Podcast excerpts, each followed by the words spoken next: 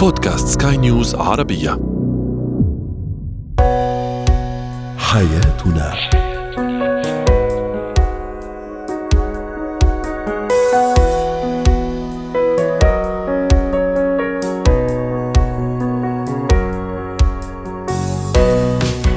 مستمعينا الكرام أهلا بكم معنا إلى حياتنا فضاؤكم اليومي الذي يعنى بشؤون الأسرة وباقي الشؤون الحياتية الأخرى والذي يمكنكم الاستماع إليه عبر منصة سكاي نيوز dot com slash podcast وباقي منصات سكاي نيوز العربية الأخرى.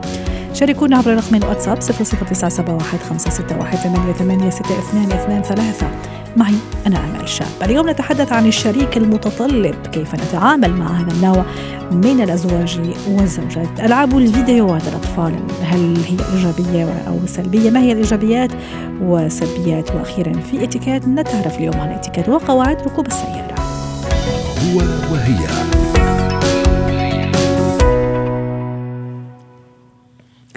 الزواج أو العلاقة الزوجية هي علاقة الهدف منها الراحة والمودة والرحبة والرحمة عفوا وإشباع الحاجيات المختلفة سواء نفسية وما إلى ذلك. لكن بالطبع قد يتعرض البعض بعض الأزواج زوجات وأزواج لتحدي بعض التحديات نظرا لطباع الزوجين غير المتوافقة. قد تكون هذه أهم التحديات. نتحدث اليوم عن طبع التطلب أو الشخص المتطلب الزوج المتطلب أو الزوجة المتطلبة متطلبة في نواحي كثيرة أو متطلب في نواحي كثيرة. كيف نتعامل مع هذا النوع من الأزواج؟ الحديث عن هذا الموضوع رحبوا معي بدكتورة ريما بجاني الخبيرة النفسية والأسرية. مساء الخير دكتورة ريما. عامك سعيد كل عام وأنت بخير. ما شفناك ولا سمعنا صوتك من زمان. أتمنى لك عام سعيد وكل أيامك حلوة وجميلة زيك كذا. اليوم نتحدث عن الزوج المتطلب أو الزوجة المتطلبة. من هو هذا هذه الشخصية بعيدا عن زوج وزوجة؟ ثم نسقطها على العلاقة الزوجية. صحيح. أول شيء عام سعيد للجميع وصحيح اشتقنا لكم. ونحن كمان. آه فوالا آه تنحكي شوي عن الزوج المتطلب أو الزوجة المتطلبة. رح روح للبعد السيء. رح روح دغري بالنوع المتطلب بالمعنى المبالغ فيه. اللي ما بيعجبه العجب من الآخر. 100% صح. لأنه بعدين في يوصل أنا وياك إنه إحنا اليوم ما معنا المتطلب. تماما. ومعه حق باللي عم يطلبوه بس صح. لأنه الشريك الآخر منه على نفس الموجة معه بنرجع نوصل له. نحن اليوم في أشخاص إيه هيك روح معك على السريع وقول لك. يعني يمكن الولد اللي كانت كلمته ما تصير اثنين بالبيت بصير متطلب بطريقة مبالغ فيها وشوي سلبية. الشخص يلي كانت كلمته هي الماشي يعني اليوم هو اللي بيفهم هو اللي معه حق هو اللي لازم كل الأشياء تصير مثل ما هو بده. كمان في يصير هذا الزوج أو الزوجة المتطلبة. اللي اعطيناه كثير أهمية بالطفولة. أهمية أول شيء تكون منيحة. نحن ما عم نحكي عن الولد اللي عم نحكي عن الأهمية يعني عن جد كان عنده القدرات بس فيها تتحول وتصير سلبية. يعني كان ولد تنقول كثير نشيط أو كثير ذكي أو ياخذوا برأيه بس صار مراهق أو كان عند أهله. بيوصل نحن اليوم بيوصل للحياة الزوجية. ما بقى يقبل يغير هذا النمط بالتعامل معه وبصير هو متطلب يعني عن شو عم نحكي متطلب؟ يعني الأمور بدها تصير مثل ما هو بده أو مثل ما هي بدها بالطريقة اللي هو عم بيشوفها بالتراتبية اللي بيشوفها. وعن جد اليوم وقت نحكي عن شخص متطلب بالعلاقة فينا نروح إلى أبسط الأمور. يعني فينا نروح يمكن حتى فرش البيت على ذوق مين بده يكون أو كيس الديكور بده يكون. يعني اليوم أنا عم بعطيك من كل النواحي. صح. شو يعني شريك متطلب؟ وقد إيه بيصير إذا بدك عبء وقت يكون مش قادرين ناخذ نعطي نحن وياه وعم بيروح بطريقة كثير مبالغ فيها. صحيح. طب دكتورة نحن الآن أسقطناها على الحياة الزوجية على زوج وزوجة.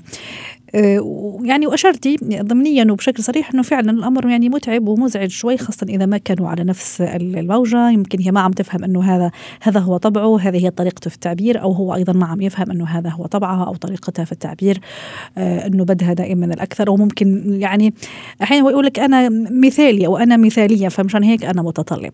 طيب الحل في هذا في هذا في هذا الموقف أو الطريقة المثلى للتعامل حتى يعني أحاول إني أتكيف اولا أو إني ألاقي كذا حل وسط إني ما يرهقني أنا كزوج أو زوجة وفي نفس الوقت ممكن أحاول إني ألبي هذا المتطلبات تبع الشريك خلينا نروح نحن اليوم مثل ما بلشت معك نروح يمكن للطابع الجيد من هذا الموضوع لأنه على طول في هيدا إذا بدك ال côté positif يعني الجانب الإيجاب. الإيجابي. من الموضوع صحيح. فإذا اليوم أنا كزوج أو زوجة بدي يكون كتير رواق هيدي على طول نحن بنطلبها من الأزواج اللي هي شيء شبه مستحيل بس على طول تنفس عميق. نفس عميق vraiment ناخذ وقتنا ونشوف شو بده مني الشريك. عن جد عن جد مرة من المرات عملنا حلقة إنه شو يعني أول سنه زواج أول سنه زواج هو على هذا الموضوع. اليوم عم بدك إذا بدك على ال basis إنه أنا اليوم ال basis تبع الحياة إنه أنا اليوم شو بدي من الشريك فاذا باخذ نفس عميق وبقول أنا اليوم اللي عم يطلبوا مني بمنطقي أو غير منطقي لو ما بيوافقني لو أنا ما بوافق عليه لو أنا أنا بتعرفي في جملة بقولها عندي بال clinic بقول أوقات في شيء اسمه my perspective و his perspective يعني طريقة تفكيري وطريقة تفكيره. اوقات اثنيناتنا معنا حق. وهون إذا بدك بتصير المشكلة.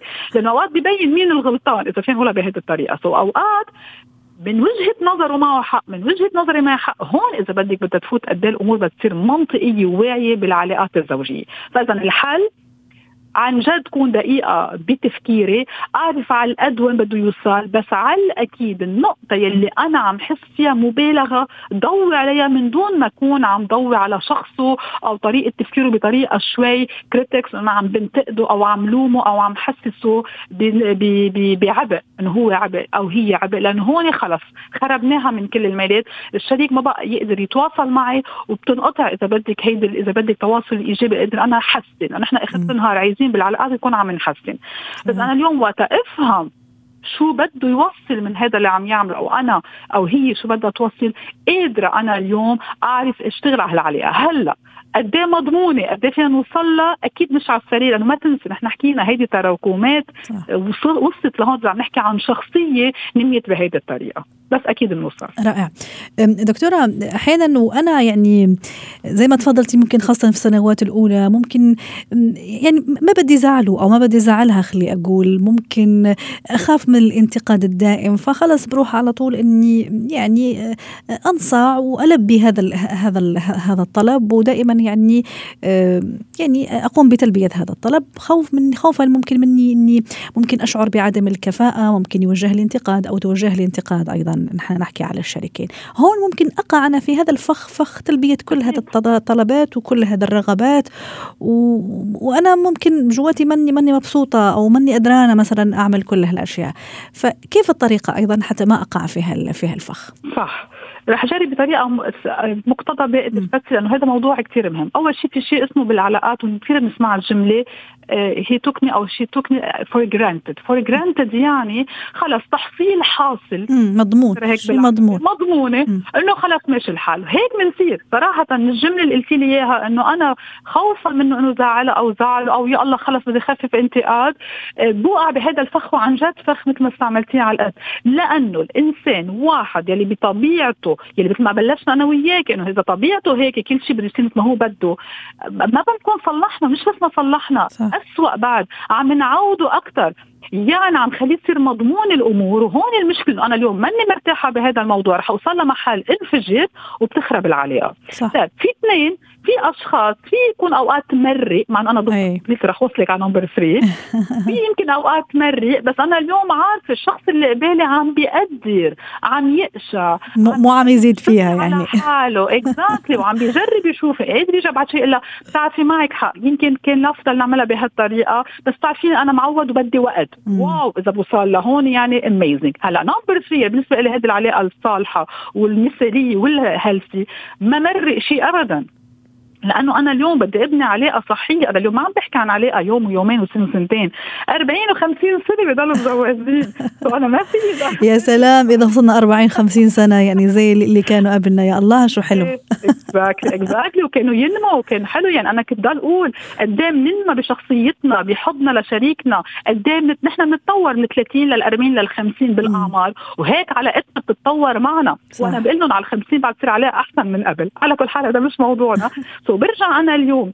number 3 أنا اليوم ما مرق بس أكيد بطريقة معينة. أنا اليوم ليش ما عم مرق هول الأشياء؟ مش لأنه أنا نكذب أو لأنه بدي بس مرق عليه. لا أنا ما بدي مرقهم لأنه أنا بدي تكون علاقتي حلوة.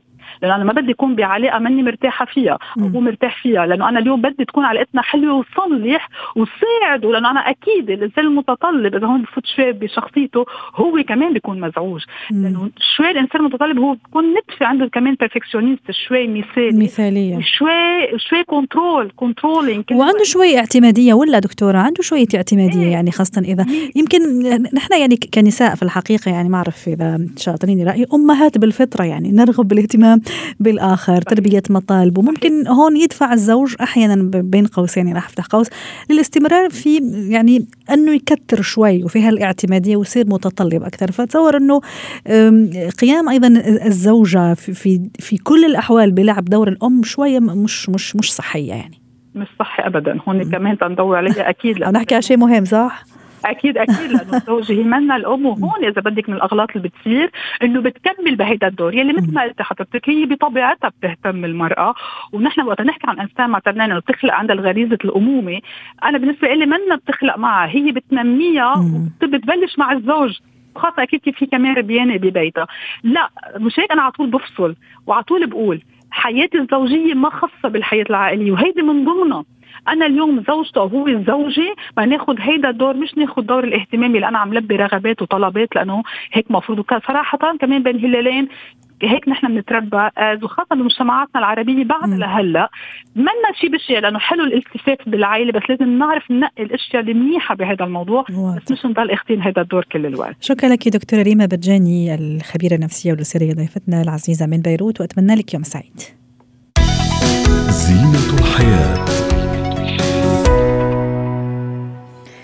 اليوم نتحدث عن موضوع يعني تحدثنا فيه في منابر كثيرة وفي مناسبات كثيرة ولا بأس أيضا من إعادة التذكير به لأنه كثير مهم ويلازم أولادنا في الحقيقة بشكل يومي هو ألعاب الفيديو. اللي دائما صارت لصيقة فيهم وعلماء النفس والاجتماع وخبراء التربية دائما يحذرون ويدقون ناقوس الخطر بسبب تأثيرها السلبي على الأطفال وفي نفس الوقت إلى تأثير إيجابي أكيد. فكيف أتصرف أنا إذا كان عندي ابني أو بنتي من هذا النوع من الأطفال المدمنين على ألعاب الفيديو؟ كيف أستفيد منها؟ في الأشياء الإيجابية وكيف أستبعد أيضا الأشياء السلبية؟ رحبوا معي بنور وليد الخبيرة التربوية. مساء الخير أستاذة نور. أهلا وسهلا فيك. كيف الحال؟ تمام الحمد لله. الحمد لله. كيف العام الجديد معك كيف البدايات؟ حطينا خطط كثير وإن شاء الله رب ننجزها ونلاقي منها خير. يا رب, يا رب. إن شاء الله كل الخير إن شاء الله. سادة نور كان هذا سؤالنا التفاعلي ما هي سلبيات وإيجابيات ألعاب الفيديو بالنسبة للأطفال؟ تعليقات وصلتنا على منصات سكاي نيوز عربيه دعيني نستعرض بعضا منها حسين يقول إيجابياتها تعلم الكلام وسلبياتها التوحد. آه، تعليق يقول كلما أكملت مرحلة ستنتقل لأخرى أكثر صعوبة وهذا سيجعل الطفل يكتسب مهارة أكثر ويزداد لديه ميل أو لديه روح التنافس عندما تلعب مع خصوم آخرين لكن قتل الوقت وتدمير لصحة العيون وبدل من ذلك يجب إشغالهم بالتعلم بما ينفع عقولهم ويطور مهاراتهم في الحياة. الدكتور غيث يقول هي نظام ترفيهي فيما كانت فيه ومثلا لعبة الشطرنج هي ألعاب منمية للفكر أما الألعاب ألعاب ذات الأبعاد العشرة ألعاب مدمرة للوعي. وأخيرا يقول تعليق يدمر العقل وما يسمح وما يسمع عفوا كلام الأهل ويصير شخصية ضعيفة من كثرة ما يتعامل مع هذه الألعاب. نبتدي بالإيجابي. دام نحن دائما إيجابيين نحاول دائما نشوف الزوايا الجميلة والمضيئة ثم نروح على السلبي حتى نحاول كيف نشوف الحل مع هالأطفال اللي مدمني ألعاب الفيديو. أستاذة نور. أستاذة نور؟ يبدو أننا فقدنا الاتصال مع نور وليد. أعيد وأذكر موضوع اليوم هو ألعاب الفيديو بالنسبة للأطفال ما هي سلبياتها وما هي إيجابياتها. طبعا هذا ال ال ال الشيء اللي صار ملازم جدا لأطفالنا آه، ليل نهار أحيانا أحيانا في أوقات الإجازة. أيضا في هذه الفترة اللي عشنا فيها كورونا ممكن موضوع الحجر المنزلي زاد من موضوع استخدام أطفالنا لألعاب الفيديو طردا للملل أحيانا. وممكن ممكن اعتقاد من أيضا راح تنمي قدراتهم كيف أستفيد من هذه الألعاب؟ إذا كانت إيجابية وإذا كان فيها جانب إيجابي وكيف يعني أتفادى خلينا نقول الجانب السلبي. نور مرة أخرى معنا أستاذة نور كنا نتحدث عن الإيجابيات والسلبيات. خلينا نبتدي بالإيجابيات. طبعا الإيجابيات إنه الطفل راح يطور من قدراته في تحليل المعلومات والمستوى الوعي والإدراك. إذا قدرنا نختار الألعاب الصحيحة اللي بتناسب عمره وبتناسب على قدراته. يعني ما فينا نحط ألعاب مثلا أكبر من عمره بعدين يشوف اللعبة صعبة ويمل وما يكمل فيها. وعلى العكس إنه لازم نشوف اللعبة اللي بتكون مناسبة وتكون موفقة انها هي بتعلمه أكثر من شغلة. الأرقام الحروف اللغات. وفي بعض الألعاب بتكون بيعلموهم الموسيقى. ممكن تكون عزف على الجيتار أو ممكن أصوات. كثير في ألعاب مميزة جدا بس عليهم الأهل يشوفوا. بس مع الأسف الأهل لازم يدركوا إنه زي هيك ألعاب لازم تكون مدفوعة ما بتكون مجانا. لأنه كثير مرات بعض الأهل بقول لك طب إحنا نزلنا الألعاب اللي بتحكي عنها المفيدة بس ما لقينا الفائده فلازم يعرفوا هاي الألعاب بالذات المتعوب عليها كتنمي تطورات الطفل عقليا وادراكا ومعلومات. لازم هاي تكون آه، مدفوعة عن طريق ال applications أما زي آه، ممكن وفي بازل كمان في نحكي كأرقام. هاي من الإيجابيات. وكمان من الإيجابية نور إذا ممكن حابة يعني آه، راح على الأمر السلبي. خلي أحكي كمان من الإيجابيات نور إنه أيضا تنمي الشغف. في كثير مثلا أطفال أنا شفتهم تعلموا ونموا شغفهم. خلينا نقول مثلا العزف على البيانو تعلم لغات مثلا. ففعلا يعني نمت هذا الأشياء آه، فيهم. إيش رأيك؟ طبعا آه طبعا هي نمت على حسب ال ال ال الهدف. أنت بتسأل الطفل إحنا مرات لازم نسأل الطفل أنت شو حابب تتعلم؟ يعني ممكن يقول لك بتعلم اللغة الفرنسية الإسبانية الإيطالية حتى لو ما كان الأهل يعرفوا هاي اللغة مو شرط. لا الطفل لو تعلم أكثر من لغة بتزيد عنده الذكاء عنده أكثر وبتصير عنده ثقة بالنفس أكثر. فخلينا نعطيهم مجال يتعلموا آه، آه، أوقات اللي بيمسكوا فيها الألعاب يمسكوا إشياء مفيدة لهم حتى لو إحنا ما كنا نعرفها. وقديش ضروري ست نور أني أختار معاهم أنا الالعاب المناسبة مو بس أختار حتى أشارك معاهم هاللحظات. طبعا لازم نختار ونتأكد قبل ما يمسكوا أي لعبة لازم نحن نجربها. نتأكد من محتواها ونتأكد من الأرقام ونتأكد من اللي مثلا الألعاب تكون صحيحة ومش صحيحة على المحتوى الكرتون الإيحاءات لأنه لابد ممكن يكون في أفكار غربية ممكن يكون شيء مش صحيحة ممكن يكون أوكي تعليمية بس بتكون أفكار ما بتناسبنا فلابد الأهل قبل ما يعطوها للطفل يتأكدوا من المحتوى ومن الأهداف تاعته يجربوها بعدين يعطوها للطفل. وطبعا نعطي للطفل كمان قرار باختيار شو اللعبة اللي حاب يلعبها. نعطيه أكثر من اختيار. هل بدك تقوي لغة أو تتعلم لغة جديدة؟ هل بدك تتعلم موسيقى أو بدك تتعلم العزف؟ أو بدك بس ألعاب بازل؟ في أكثر من لعبة بازل. فإحنا بنعطيه الخيارات وإحنا نتأكد منهم وبنعطيه إنه المجال يلعب ويتعلم. رائع. إذا حكينا عن السلبيات أستاذة نور ونتفا... وكيف نتفاداها أيضا؟ مع الأسف السلبيات كثيره منها الصحية ومعها النفسية. خلينا نبلش بالصحية. طبعا الأوقات اللي بيقعد فيها الطفل آه، طبعا أكيد ما حيلعب 10 دقائق أقل هو أصلا ما عنده يعني إيش يعني وقت يعني. تعطيه أربع ساعات تلاقي حالك يمكن ساعة وساعتين وتحايل عليك حتى. ما بتعرفي كيف كيف قضى هالساعتين وأنت مش عارفة يعني. مضبوط ما هو هذا لازم نعمل control يعني هي إن شاء الله بعد ما نحكي المضار خلينا نحكي يا ريت. إيه. control طبعا المضارات الصحية أول شيء الاجهاد بالنظر. حيصير يبلش بالأخير يلبس نظارات قبل عمر 18 إيه كمان القعدة اللي كثير ممكن تخليه ما له نفس ياكل. ممكن يصير عنده نحف أو إنه يصير عنده سمنه لأنه ما في حركة. صح. كمان القعدة كمان الطويلة بال iPad والألعاب ممكن تأثر على ظهره على كتافه على العمود الفقري لأنها قاعدة طويلة جدا. يعني اذا إحنا الكبار بيعطونا كورسات كيف تقعد بالمكتب وكيف تتحرك كل ربع ساعة وساعه ما بالك طفل لسه عم ينمو ماسك لساعات طويلة وما عم بيتحرك وبتلاقي قاعد بطريقة كثير غريبة هيك مقوقع نفسه. صحيح. فبالأخير حيجي له أوجاع. طيب أستاذة نور باختصار حتى الوقت كمان ما يداهمنا نستفيد كيف أنا أيضا يعني أحدد الوقت وأنا اللي متحكمة في الوقت؟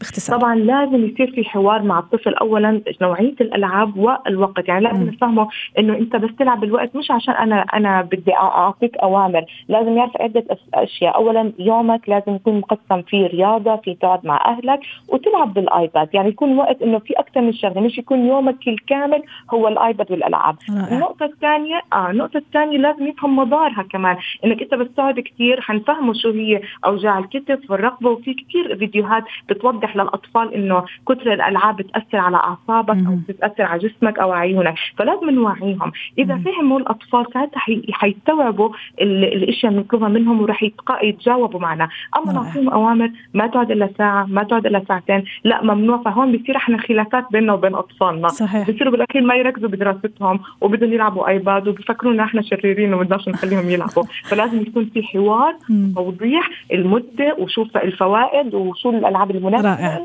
وشو وكل هذا طبعا يجي بالحوار. شكرا لك أستاذة نور وليد.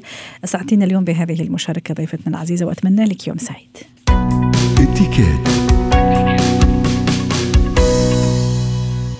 اليوم في اتيكيت نتحدث عن اتيكيت آه، وقواعد ركوب السيارة. طبعا هذه الوسيلة ضرورية جدا لترافقنا يوميا في أعمالنا أشغالنا يومياتنا آه، مقاضينا اليومية وما إلى ذلك. للحديث عن هذا الموضوع رحبوا معي بدكتورة سلوى عفيفي خبيرة الاتيكيت والبروتوكول الدولي. يسعد أوقاتك دكتورة سلوى. حين نشوف مظاهر مش لطيفة مش حلوة في السيارة ممكن شخص طلع مثلا راسه من نافذة طلع إيده من نافذة ممكن موضوع إغلاق باب السيارة كل هذه أتصور أنه من اللباقة اللياقه واللياقه أنه نعرف يعني كيف كيف نتصرف؟ رغم أنه ممكن من الوهلة الأولى يبدو أنه الأمر عادي وليش هذا الموضوع أصلا طرحناه؟ لكن لا في الحقيقة أنه إذا ركزنا على بعض السلوكيات نجدها سلبية ولازم نتفاداها. مساء الخير أستاذة أمان شكرا على الاستضافة. طبعا موضوعك مهم جدا ودائما الشعار المتعارف عليه القيادة فن وذوق. صح. ليست فقط قواعد يعني حتى في تطبيق القواعد المرورية يجب أن يكون هناك سنس ويكون في آه، ذوقيات. وحتى في القواعد المرورية لا تخلو ابدا من الفن ومن الشياكه خلي أقول يعني. فعلا جدا. حتى أبسط الأشياء دخول الدوار أو الميدان مثلا. اولويه المرور للقادم من اليسار. ضروري جدا أستاذة امل لكي يكون سلوكنا مهذب لابد أن نعرف حقوقنا وواجباتنا لابد أن نعرف القواعد أساسا ونتبعها ونحترمها. إن كان في أسلوب حتى ركوب السيارة أو قيادة السيارة الاقتداء بالسرعات المقررة الصف أو ركن السيارة مثلا في الباركينج المحدد آه، وضع الكرت أو الفلوس المطلوبة مثلا لهذه آه، لهذا الباركينج آه، عدم كسر الإشارات المرور لأنه ليس فقط إنه فق يعني هي حتاخذني مخالفة لا هو كمان لأنه أنا ممكن أؤذي الآخرين أو اذي الآخرين. آه كل هذه الأشياء لابد من آه اتباعها. ربط حزام الأمان ليس فقط إني عشان أنا داخل على لجنة مرور مثلا بل هي لسلامتي أنا في البداية. صح. كل هذه الأشياء لو أخذناها من منطلق إنه هي فائدة لنا أكيد لازم أن نتبعها. استاذه سلوى خلينا نحكي أيضا على موضوع يعني جوا السيارة مثل ما أشرت في البداية ممكن بعض الأشخاص لما يفتح السيارة ويسكرها وكأنه يعني جات عاصفة عرفتي عاصفة مدارية من كثر ما خبط الباب. موضوع ممكن أشخاص ممكن تطلع ايدها هل هذا لائق غير لائق؟ موضوع المقعد الشرفي أيضا لمين يكون؟ حماتي أنا عرفتي هذا المواضيع اللي يصير أحيانا فيها شوية اختلافات ممكن خناقة كبيرة. صح إيه، تجدي أحيانا إنه شخص يتحدث مع اللي بجواره ويحرك إيديه كلغة جسد يعني. لا على فكرة هي ممكن جدا إنه تشوش على الآخرين المحيطين. دائما في الاتيكيت نقول لابد من مراعاة شعور الآخرين. اذا إني أطلع إيدي من السي... يعني خارج السيارة أو شباك السيارة هذا شيء غير مقبول. حتى لو إني عايز أقول إني أنا مثلا حدخل شمال أو كذا. المفروض إني أنا أتحقق من سلامة كل الإضاءات في السيارة في إشارة مرور يعني إشارة بالسيارة. السيارة صح. آه أيضا إنه إلقاء الأشياء المخلفات لا بالعكس لازم أحط سله أو كيس على الأقل م. داخل السيارة ولا ألقي بها خارج السيارة فهنا أنا خرجت عن الإطار الشخصي لي المقعد شرفي دكتورة سلوى انه كثير مهم الشرف شوفي إذا كان ركوب السيارة طبعا إذا كان قائد السيارة هو صاحب السيارة م. الذي يقودها فإذا هنا أقعد أصبح مقعد الشرف هو المجاور للسائق م. اللي هو اليمين الأمامي تمام. آه ثم يلي في الأهمية المقعد الخلفي يمينا ثم المقعد الخلفي يسارا أما إذا كان من يقود السيارة هو السائق. ففي هذه الحالة يكون مقعد الشرف أو الأهمية للمقعد الخلفي يمينا يلي في الأهمية المقعد المجاور له خلفا يسارا. طيب. ثم المقعد الامامي مين يقعد في هذه المقاعد حسب الترتيب ولا حسب الجنس حسب العمر حسب القرب من العائلة؟ يا ريت بس باختصار للأسف الوقت يداهمنا. إحنا بنقول إنه الأعلى رتبة أو الأعلى درجة. يعني في الحياة الاجتماعية السيدة تجلس بجوار آه، زوجها. أما إذا كانت مثلا حماتها فهي تبادر. يعني لا مانع على فكرة القاعدة تسمح لها إنه الزوجة تظل في المقعد الامامي أما إذا آه، هي بادرت إنه مثلا أعزم على حماتي تفضلي وحماتي تتنازل عن هذا الكرم يعني وتجلس هي في الخلف. لا بأس. أو, أو إني أنا أصر إن هي تجلس في المقدمة. أيضا في حالة الحياة المهنية إذا كنا مثلا نذهب إلى اجتماع عمل ميتين. المدير ومثلا المساعدة أو السكرتيرة وأحد الموظفين يجب أن ننتظر حتى يبادر المدير باختيار مجلس مقعد الشرف اللي هو الخلفي يمينا أو إنه هو يتطوع ويجلس في الأمام. طبيعي إنه هو بيكون عنده سنس في تطبيق القاعدة ويتنازل عن مثلا هذا المقعد ممكن أو يجلس فيه وهو يقرر إنه السكرتيرة تجلس بجانبه مثلا ربما في آه، أمور يرتبونها ولا يجعلها تجلس بجوار السائق بالعكس يقول للزميل الآخر إنه تفضل أنت في الأمام. آه، كثير أيضا من آه، رجال الأعمال يتنازلون عن المقعد الشرفي ويجلسون بجوار السائق. شكرا لك سيدة سلوى عفيفي من الخبيرة الإتيكيت والبروتوكول دولي ضيفتنا العزيزة من القاهرة يعطيك ألف عافية. حياتنا.